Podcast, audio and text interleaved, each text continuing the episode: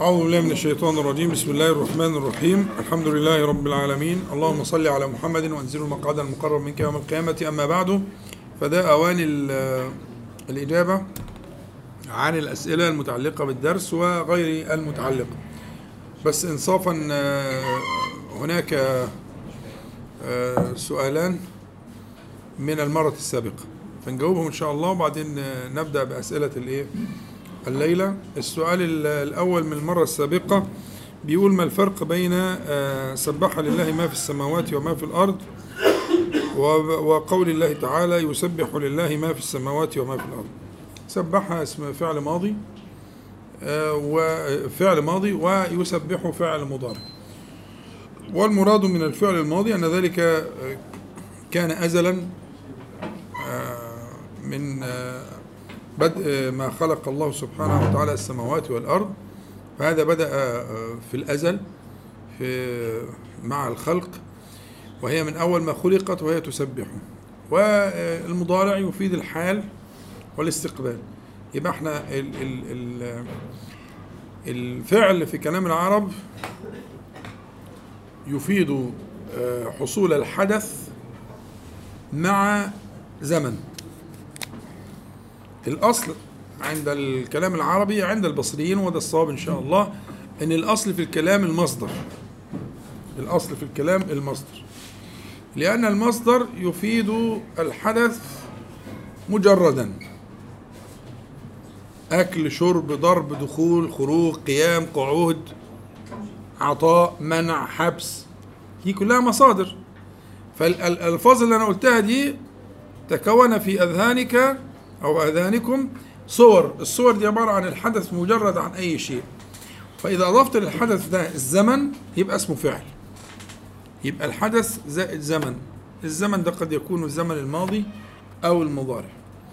فالزمن الماضي يفيد الحصول في الأزل في القديم. وإن كان ربما. يستعمل فيما سيأتي من الزمان لتحقق وقوعه. أتى أمر الله فلا تستعجلوا. يعني القيامة وهي لم تأتي بعد ولكنها في حكم الحاصل المؤكد لأنها من إيه؟ من أمر الله تعالى ولا تخلف في ذلك فسيحصل أنها سيأتي أمر الله. يبقى ده الماضي. أما المضارع فيفيد الحال والاستقبال فيسبح الآن. فالتسبيح جاء في القرآن الكريم بحصوله في الأزل في القديم وهو لا يزال يحصل الآن. وغدا إلى يوم القيامة. فهو دائم أبدا في الأزمان كلها يبقى سبح ويسبح اشتملت على الإيه؟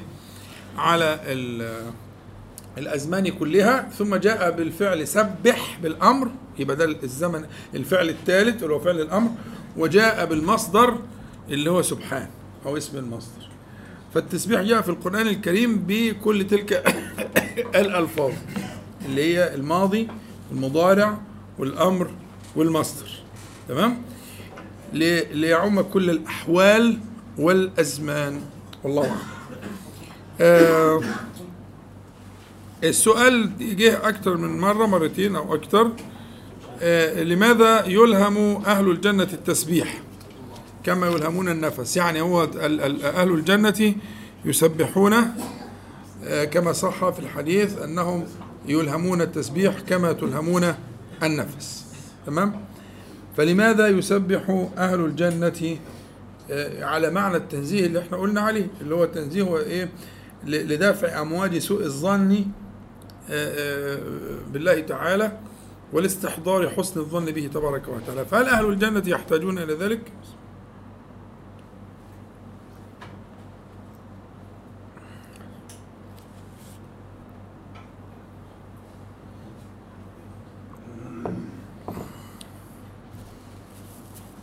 الحمد لله رب العالمين الجواب أن التسبيح عنوان للذكر. تسبيح عنوان للذكر. فقد يراد بالتسبيح عموم الذكر عموم الذكر لأن أهل الجنة سيذكرون الله تبارك وتعالى بالتحميد والتهليل والتكبير وبكل ألوان الذكر المبارك. لكن اختص التسبيح بالذكر للخصوصية وهذا أمر شائع. يعني مثلا قد يعبر عن الصلاة بالركعة. تقول صليت ركعتين. ومقطوع أنك صليت ركوعا وسجودا وقياما إلى آخره وجلوسا الأركان كلها. لكن تقول صليت ركعتين. أو سجدت لله سجدتين.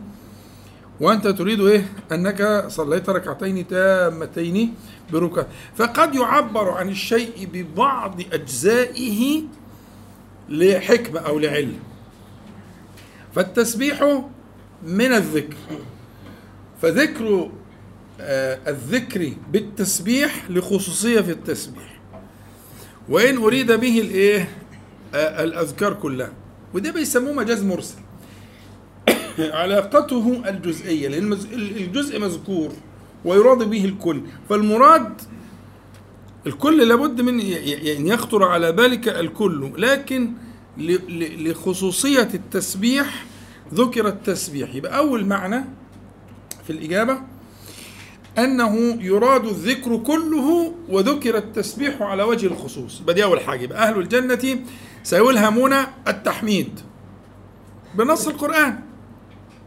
الحمد لله الذي هدانا لهذا. وما كنا لنهتدي لولا أن هدانا الله. مش كده ولا إيه؟ إذا آه، آه، آه، أهل الجنة يلهمون الذكرى بالدليل القطعي. لكنهم لما ذكروا بالتشريف ذكروا بأنهم يلهمون الإيه؟ التسبيح ويراد به الذكر. يبقى دي أول قاعدة عشان إيه؟ تريح تبقى فاهم أن أهل الجنة يذكرون الله سبحانه وتعالى بذكره الجميل بكل ذكر الله تعالى. وإن كان يخص من الذكر الإيه؟ التسبيح. الأمر الثاني إن تسبيح أهل الجنة ليس تسبيح عبودية. إنما هو كتسبيح الملائكة وتسبيح السماوات والأرض وكل المخلوقات المربوبة المبخورة دي.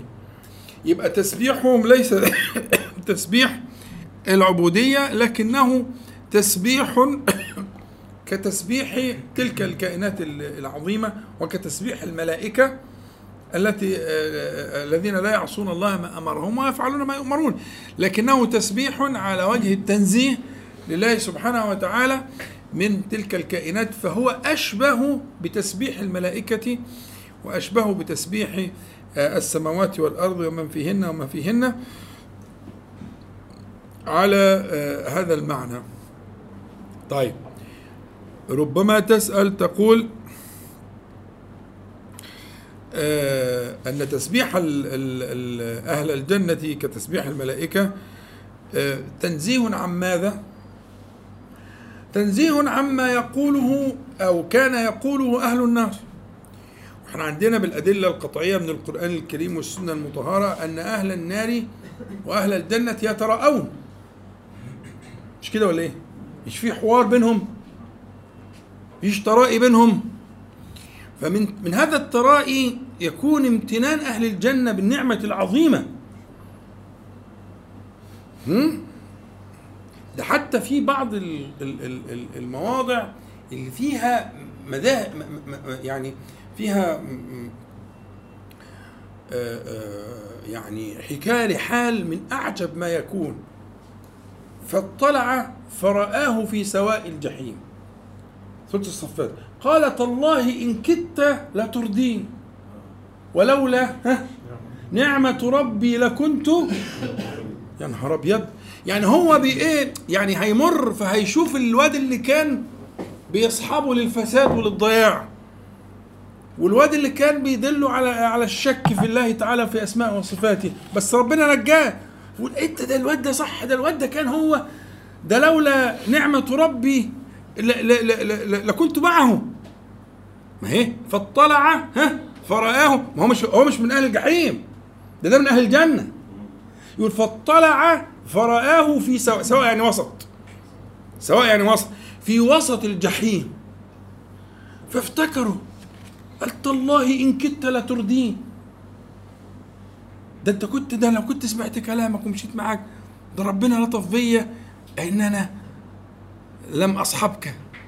خدت بالك؟ ففي ترائي بينهما وفي سؤال افيضوا علينا من الماء وفي حوار وفي كلام. واخد بالك؟ فاذا من ضمن معاني التسبيح لأهل الجنة أنهم يسبحون الله تعالى عما وصفه به أهل النار. ينزهون الله سبحانه وتعالى عما كان سببا في دخول هؤلاء النار. لأنهم إيه كما قلت لكم إنهم يتراءون في بينهم أحيانا حوار وكلام وهؤلاء يسمعون هؤلاء ويجيبونهم. خلاص؟ فإذا من ضمن المعاني التي يعني يصح أن تكون في معنى هذا التسبيح أنهم ينزهون الله عز وجل عما كان آه، يقوله أهل النار. وكذلك من المعاني القيمة أنهم يسبحون الله سبحانه وتعالى. خلي بالكم دي دقيقة شوية بس ممكن تاخد ليلة لوحدها. عن ظلم من أدخله النار. أنه ظلمهم حاشاه سبحانه وتعالى. وعن ظلم من كتب عليه التأبيد في النار. لأن ذلك شيء مشكل. يعني ألم تكن رحمة الله تعالى آه، واسعة فتدخل هؤلاء؟ يعني على سعة رحمة رحمة الله عز وجل هؤلاء لم يدخلوا في رحمته سبحانه وتعالى. فهذا أمر مشكل. وكل الأمور المشكلة دي تحتاج للتنزيه وللحمل على حكمة الله تعالى. وعلى عدل الله عز وجل وعلى صبر الله عز وجل وعلى آه، آه، ود الله عز وجل لعباده وخلقه. فهؤلاء إنما استحقوا ذلك استحقاقا عن سبق إصرار وترصد.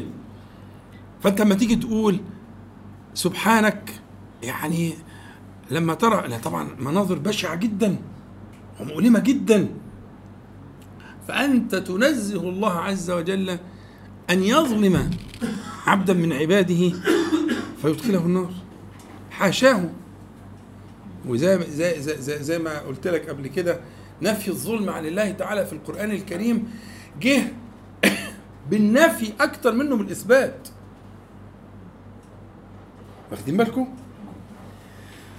مش عارف تذكرون ولا تذكرون. إحنا دايما قلنا إن, إن نفي نفي الظلم عن الله عز وجل جه بالنفي أكثر منه بالإثبات. والنفي فيه رتب أعلى رتبة هي قوله تعالى وما ربك بظلام للعبيد. وإن ظلام دي صيغة مبالغة. وصيغة المبالغة أحيانا بتستخدم بتستعمل في النسب. فيبقى العبارة معناها إيه؟ الآية معناها إيه؟ ولا ينسب ربك جل جلاله إلى الظلم بنسب أبدا. مفيش أي شبهه انتساب أن ينسب إلى الظلم سبحانه وتعالى. فبظلام هنا يعني نفي نفي النسبة إلى الظلم. الله تعالى له. لماذا جاءت هذه الآيات أو هذه المعاني؟ بنفي الظلم عن الله تعالى. ولا يظلم ربك أحد إلى آخره. ليه جاء في القرآن كده ليه؟ عشان في ما يوقع العبد في ذلك. والنفي جاء مش من الهوى النفي جاء عشان يكون في أسباب فخاخ منصوبة ها؟ توقع الايه الذين لا يذكرون الله عز وجل ولا يعظمون شأنه توقعهم.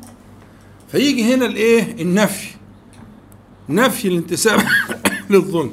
فكان تسبيحهم تسبيح أهل الجنة لما ظهر لك من نفي الظلم عن الله سبحانه وتعالى أن أن أن ينسب سبحانه وتعالى إلى ظلم بحال في أهل الجنة في أهل النار في إدخالهم النار أو في تأبيدهم. وقضية التأبيد دي أصلا فيها شوية كلام يعني ابدا معناها إيه؟ فيها كلام بس مش وقته يعني لكنها يعني احتفظ بيها كده في في الخزانة لأنها إيه؟ تحتاج لمقام مستقل يعني. لكن الفكرة فكرة ان, أن هو نفي الظلم عن الله عز وجل وتنزيه الله عز وجل أن ينسب إلى ظلم باللي بيحصل قصادنا دول. هيشوفوا هيشوفوا ألوان من العذاب. ها؟ فلما هيشوفوا هيقولوا سبحان الله. سبحانك يا ربي. ما أعدلك وما أحكمك. هو ده الكلام. مفهوم؟ تمام. برضو ممكن من ضمن المعاني القيمة أنهم يسبحون الله سبحانه وتعالى أن يكون دخولهم إلى الجنة عن استحقاق. إنما دخولهم عن كمال فضله. لا, لا يدخل الجنة أهل الجنة بعدله حاشاهم سبحانه وتعالى. الله لو عملهم بالعدل ما أدخل واحدا. إنما ينزهون الله سبحانه وتعالى. أن يرد على قلوبهم. وده وارد إن في عباد في الحديث القدسي إن في عبد يقول بعملي. لا كان داخل. المسكين كان داخل. فقال لا بعملي. ده عبد الله ثمانين سنة أنا مش عارف قد إيه ما راكع ساجد مش عارف إيه بتاع. رجعوه ده بقى عشان إيه؟ يرجع على الميزان مرة تانية. عشان نشوف موضوع عمله ده. قصة مشهورة. إذا فمن ضمن ما يرد على قلب أهل الجنة أنهم ينزهون الله سبحانه وتعالى أن يكون دخولهم الجنة إنما هو عن استحقاق. أصل في في القرآن بما كنتم تعملون. دي مش بقى عوض. مستحيل تكون بقى عوض. عوض مفيش عوض. إيه اللي أنت دفعته عشان الجنة؟ خدت بالك وبالتالي يعني هذا المعنى يتمم المعاني اللي إحنا قلناها ولعل إن شاء الله يكون في عودة للمسألة. ده أسئلة المرة اللي فاتت. نعم؟ أنهي؟ آه اللي هي في في نحو قوله سبحانه وتعالى ادخلوا الجنة بما كنتم تعملون هي ال ال ال ال من جهة اللغة هي باء معوضة. من جهة اللغة هي باء معوضة. لكن هنا باء المعوضة لا لا لا تليق بالمقام ان إحنا نقول انه عوض يعني. لكن جريا على ما سيكون من الحساب والميزان فإن دي بقى عوض. ليه؟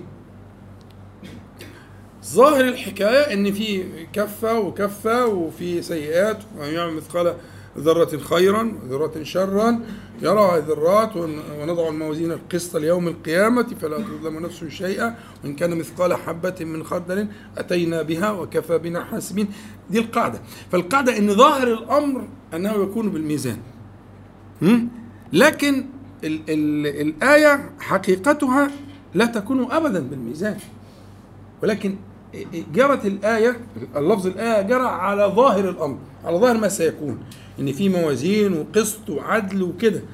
لكن العدل في النهاية لا يكفي. العدل لا يكفي لدخول الجنة. لا بد من رحمة الله تعالى. لكن هو ظاهره شكله هيئته كطريقة العدل كطريقة الميزان والعدل. لكن مع والعدل لا يكفي. يعني لا بد مع العدل من رحمة الله تعالى. وإلا من من من من أصر على العدل في الحديث القدسي اللي شرحناه لا لم يفلح. لم يفلح. لأنه رأى أن عمله يكفيه.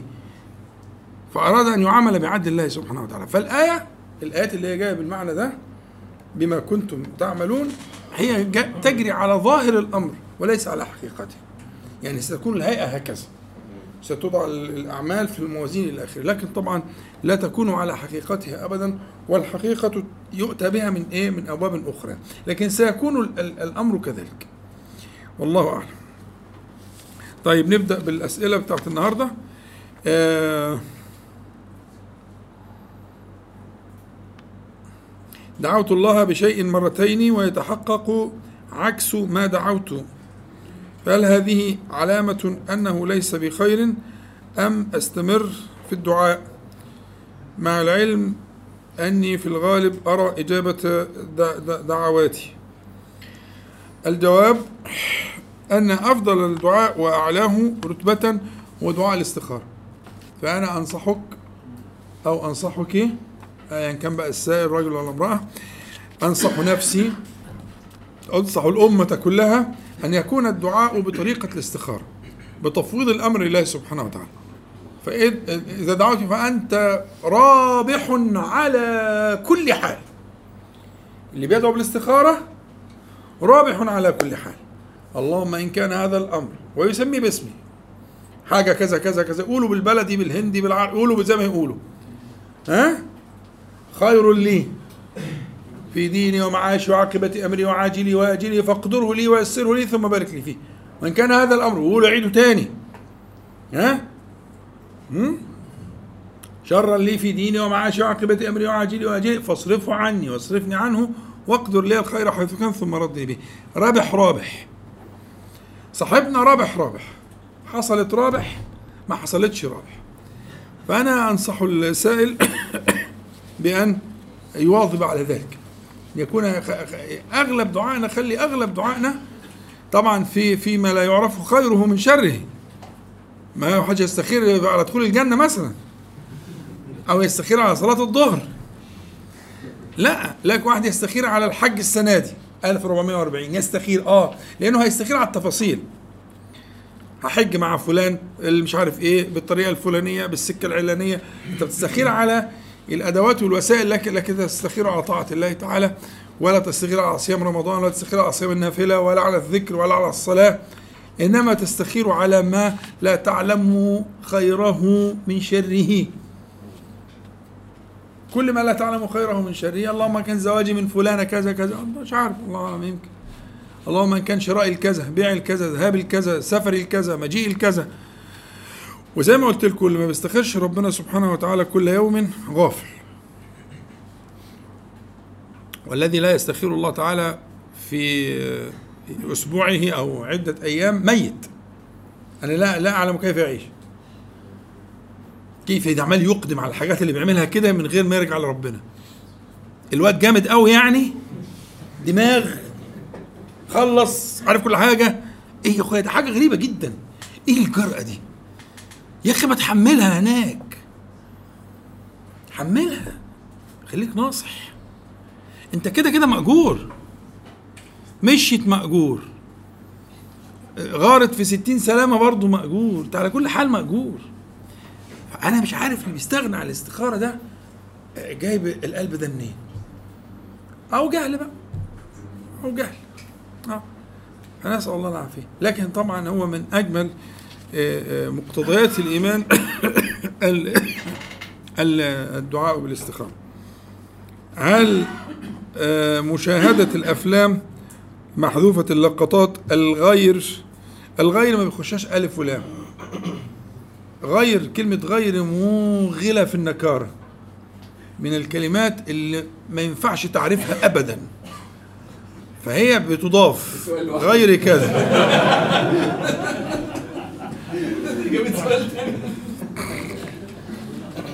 فما ما يعني كلمة الغير دي الغوها من القاموس بتاعكم بالكم مع ان بتجدها طبعا لناس كبار يعني بيكتبوا كده بس للاسف مش ما قال دي تعريفيه يعني هتخش على الغير إزاي بتتعرف بالاضافه غير الاضافه لو ده غير من الغير مثلا هي ال ال دي ال دي هتبقى عوض عن المحذوف اللي هو غير كذا غير كذا. يعني ال دي هتبقى ال عهديه على عهد معهود بين السامع والمتكلم. خدت بالك؟ لو لم يكن ثم عهد يبقى ما المهم. من غير المناسبة اللقطات غير المناسبة وإكتام الصوت عند وجود الأغاني بداخل الفيلم. حرام؟ هل مشاهد ذلك حرام؟ ولو كان حراما أريد بديلا يكون شيقا ومسليا. طبعا في إعرابات كتير أنا خليها بقى إيه بعد بعدين نتكلم فيها إن شاء الله. لا طبعا يعني حكاية الأفلام المحذوفة هو المحذوف ده اسم مفعول. مظبوط؟ ف فين الفاعل؟ ما هو اللي حذف ده اللي حذف ده يعني له فكر وله فهم وله علم وله ثقافة وله دين. فكان إذا كان الحذف ده مثلا راجل يوثق في دينه إمام فاهم فقيه عالم دارس علم نفس عارف تفاصيل النفس البشرية وما يحرك ما فيها من الشهوات وإلى آخره وأمين وإلى آخره فطبعا ده بعت لنا نسخة من الفيلم ده. مفيش أي مشكلة لكن كلمة محذوف دي. ال... الذي قام بالحذف غالبا شخص عادي. يعني ما عندوش أي خلفية. خدين بالكم؟ فيعني يعني هذا غالبا والله أعلم. آه، شره يغلب خيره. شره يغلب خيره. إلا إذا طغى خيره. إلا إذا طغى خيره. فسيغلب شره مع اشتماله على الشر. واخد بالك؟ مع اشتماله على الشر. لكن التوسع في المسألة دي آه، في النهاية من الخطورة توسع في النهاية من الخطورة فلكن لو واحد مثلا قال لي أنا هتفرج على أرطغرل مثلا خيره يغلب شره بكتير. قيامة أرطغرل.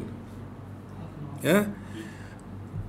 هذا خيره يغلب شره طبعا في مخالفات لكن في الجملة إذا بلغ الماء قلتين لم يحمل خبثا. وهذا المسلسل ماؤه كثير. فما فيه من الخبث أو الخلل من الكلام على التصوف من الكلام على مش عارف إيه من ها اللخبطة دي كل ذلك يذوب في خيره لأن خيره كثير؟ لكن ما تاخدش بقى وتقيس عليه على بقية المسلسلات ال- ال- التركية أو البتاع وتقول ما هو الشيخ قال لا. أنا أقول لك لكثرة خيره ها ذاب شره في هذه الكثرة. فتبقى المسألة سؤال عن حاجة بعينها. سؤال عن حاجة بعينها. فإن كانت نافعة وغلب خيرها فأهلا وسهلا وأنا أرحب بذلك. وأنا ضربت مثال أنا مسؤول عنه. لكن ما عدا ذلك هي من المعاصي التي يستغفر آه، ربنا سبحانه وتعالى منها ويتاب عنها. يعني من وقع في شيء من ذلك يستغفر الله تعالى.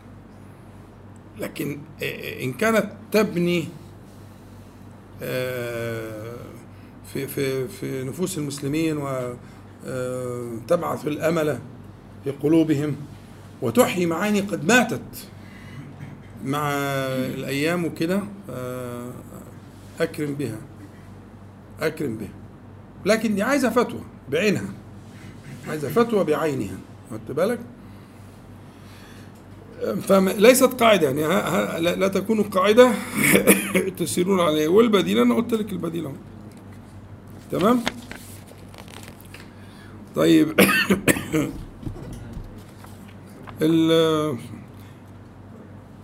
في قول الله تعالى ما أصابك من حسنة فمن الله وما أصابك من سيئة فمن نفسك هذه سورة النساء. كان ظني أن ما أصاب أصابوا به من ابتلاء إنما هو نتاج عملي سيء أو عمل سيء عملته. فلماذا أصيب النبي صلى الله عليه وآله وسلم ببلاءات مكروهة وما المحكم والمتشابه في الأمر. آه القاعدة يعني عشان الآية دي الآية دي مؤولة. الآية دي لابد من تأويلها. ليه؟ لأن الحقيقة الشرعية أن ما أصابك من حسنة فمن الله وما أصابك من سيئة فمن الله. دي الحقيقة المطلقة. فالآية دي هي التي تؤول. لكن تؤول يعني لا تحمل على ظاهرها. هقول لك تأويلها إن شاء الله. بس الأول نفهمها نفهم القضية. أن أصل القضية أن كل ما يكون في الكون من خير أو شر فهو بالله تعالى كان. ده أبو الشر كله من خلق الله. هو إبليس ده مين اللي خلقه؟ اللي هو النبع المصدر. الذي لا ينفك يبث شره في الدنيا. صح؟ هذا خلقه الله تعالى ومكنه من ابن آدم وسلطه عليه ومده بكذا وكذا. الله. إذا فالقاعدة عشان بس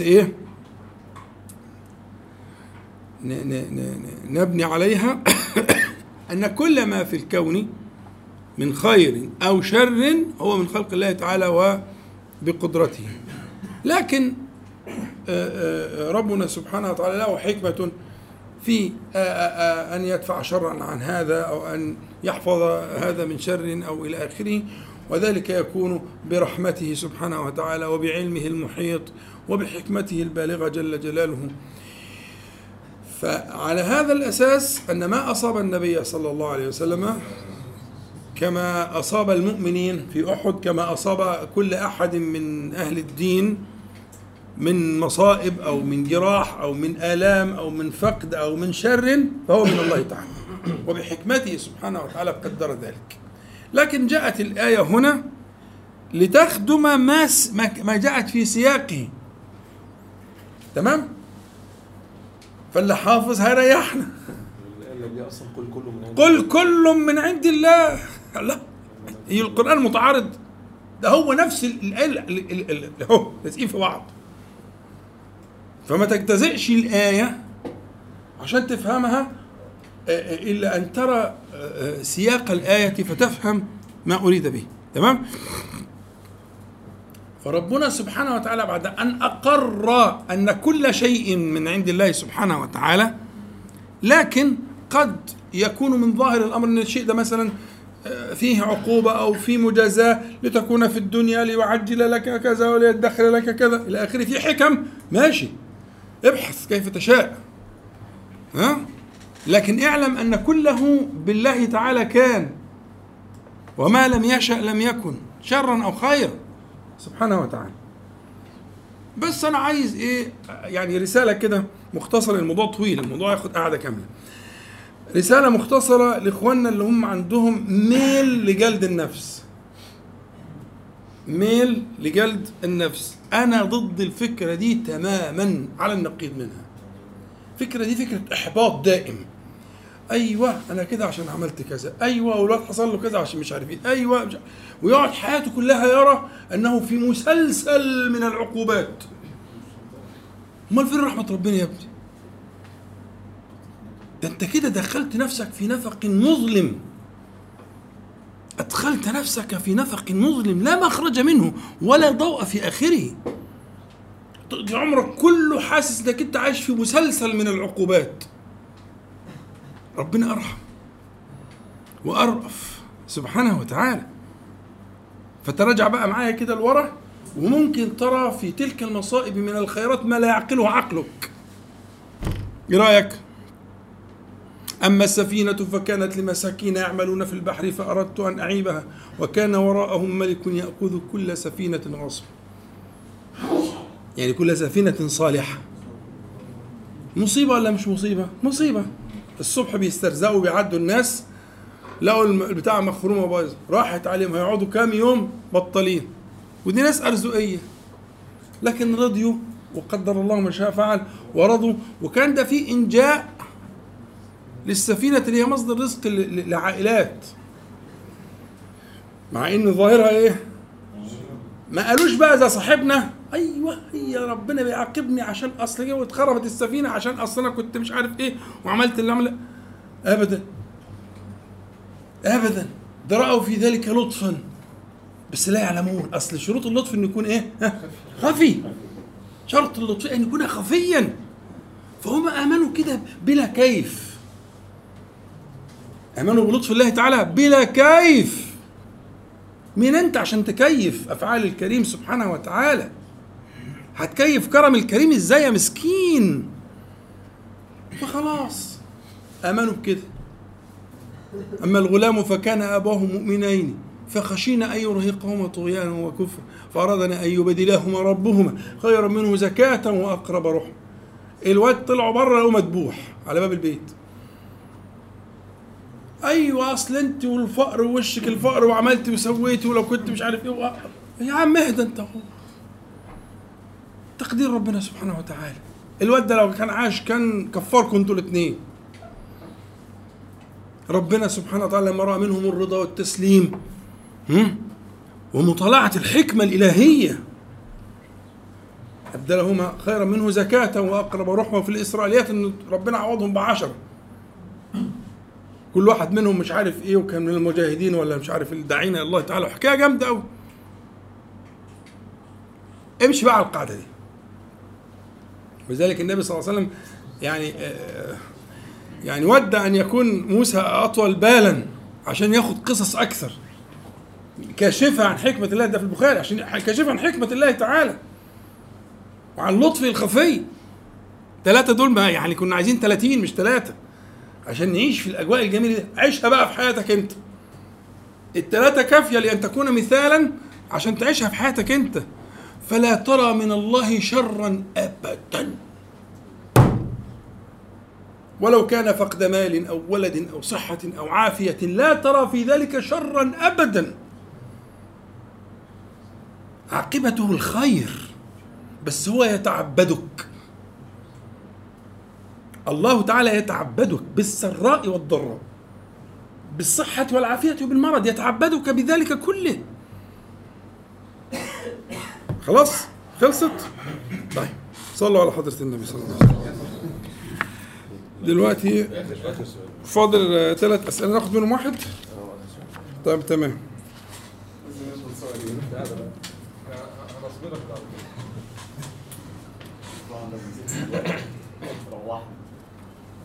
طيب في سؤال هو تقريبا إحنا جاوبنا عليه. بيقول هل يا يا يا يا مش عارف ينافي. آه هل ينافي الإيمان بالقضاء والقدر أن الإنسان يلوم نفسه على كل تقصيره؟ آه لسه كنت بتكلم فيه. بسبب عدم الأخذ بالأسباب مثال رجل ترك نفسه لأنواع الطعام وترك الرياضة ثم أصيب بمرض الكوليسترول أو السمنة فهل يتهم نفسه على ذلك مع إيمانه بأن الإصابة أتت من عند الله جل جلاله؟ ربنا سبب الأسباب. لكن المثال اللي انت ضربه ده مثال آه، يعني هو آه، آه، استجاب لشهوته ولم يجد ما يحجزه مع علمه بالضرر. فهذه يعني المثال هنا لا يتطابق مع الأصل المساله لكن إحنا بنتكلم عن الأمور القدرية التي لا دخل الإنسان فيها. الأمور القدرية التي المثال اللي ضربتهم المثالين بتوع آه، سورة الكهف هم ما قصروش لا قصروا مع الغلام ولا قصروا في السفينة ولا قصروا في الجدار ولا كلام من ده. مفيش تقصير هي الفكرة إن إحنا بنتكلم على الأمور القدرية التي لا دخل الإنسان فيها. أما الأمور اللي الإنسان اللي دخل فيها يحاسب عليها. واحد مش قادر يمسك, نفسه عن الأكل فكل ساعة والتانية عنده مشكلة. يبقى أكيد آه، لا يدخل فيما نقول نقول له لا أنا آه، أنت السبب ده أثر في هذا الايه المرض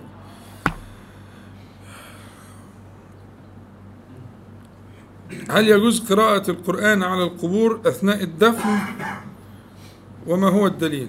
لا ما حدش قال قراءة القبور آه، قراءة القرآن على القبور أثناء الدفن.